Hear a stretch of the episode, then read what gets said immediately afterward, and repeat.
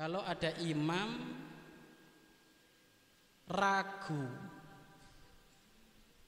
Berada di rokaat ketiga ataukah sudah rokaat keem, keempat? Maka hendaknya dia mengambil yang paling sedih, sedikit. Yang paling sedikit berapa? Yang keti yang ketiga. Badal itu sudah keempat. Sudah keem keempat ya kan?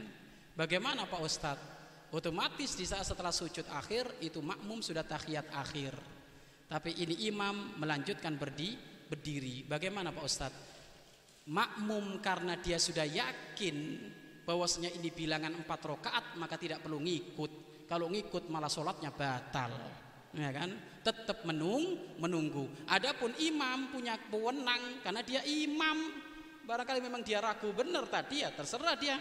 Melanjutkan satu rakaat lagi nggak apa-apa ya lanjutkan satu rakaat lagi tidak apa-apa.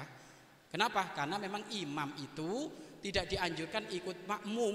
Imam punya pendirian sendi sendiri. Walaupun makmum semuanya ngomong subhanallah subhanallah enggak pokoknya saya yakin ini kurang. Ya sudah imam melanjutkan sendiri. Makmum tinggal nung nunggu sampai nanti selesai salam ya imam salam ya makmum sah salam. Jadi menunggu nggak usah nambah lagi. Kalau nambah bagaimana? Wong imam, makmum sudah yakin kok.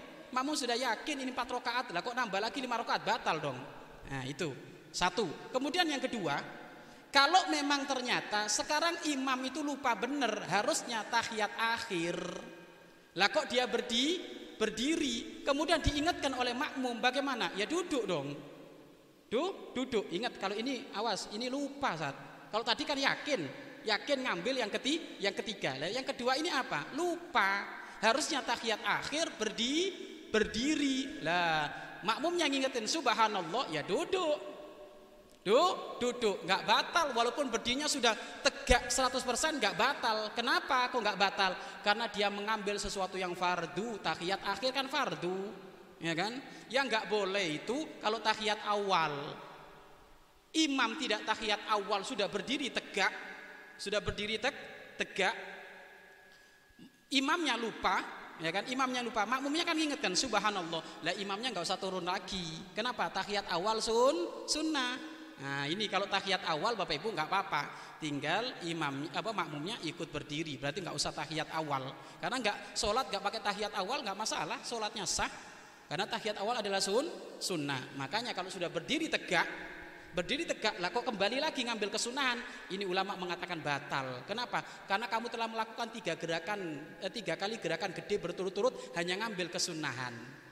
Tapi kalau tadi yang tahiyat akhir bukan ngambil kesunahan, ngambil yang fardu, Nah, maka dari sini nggak apa apa nggak apa-apa yang terakhir tadi itu, yang imam yang lupa nggak tahiyat akhir nggak apa-apa dia duduk lagi. Tapi yang kedua yang tahiyat awal maka imamnya tetap berdiri, makmumnya ngikut berdi berdi berdiri.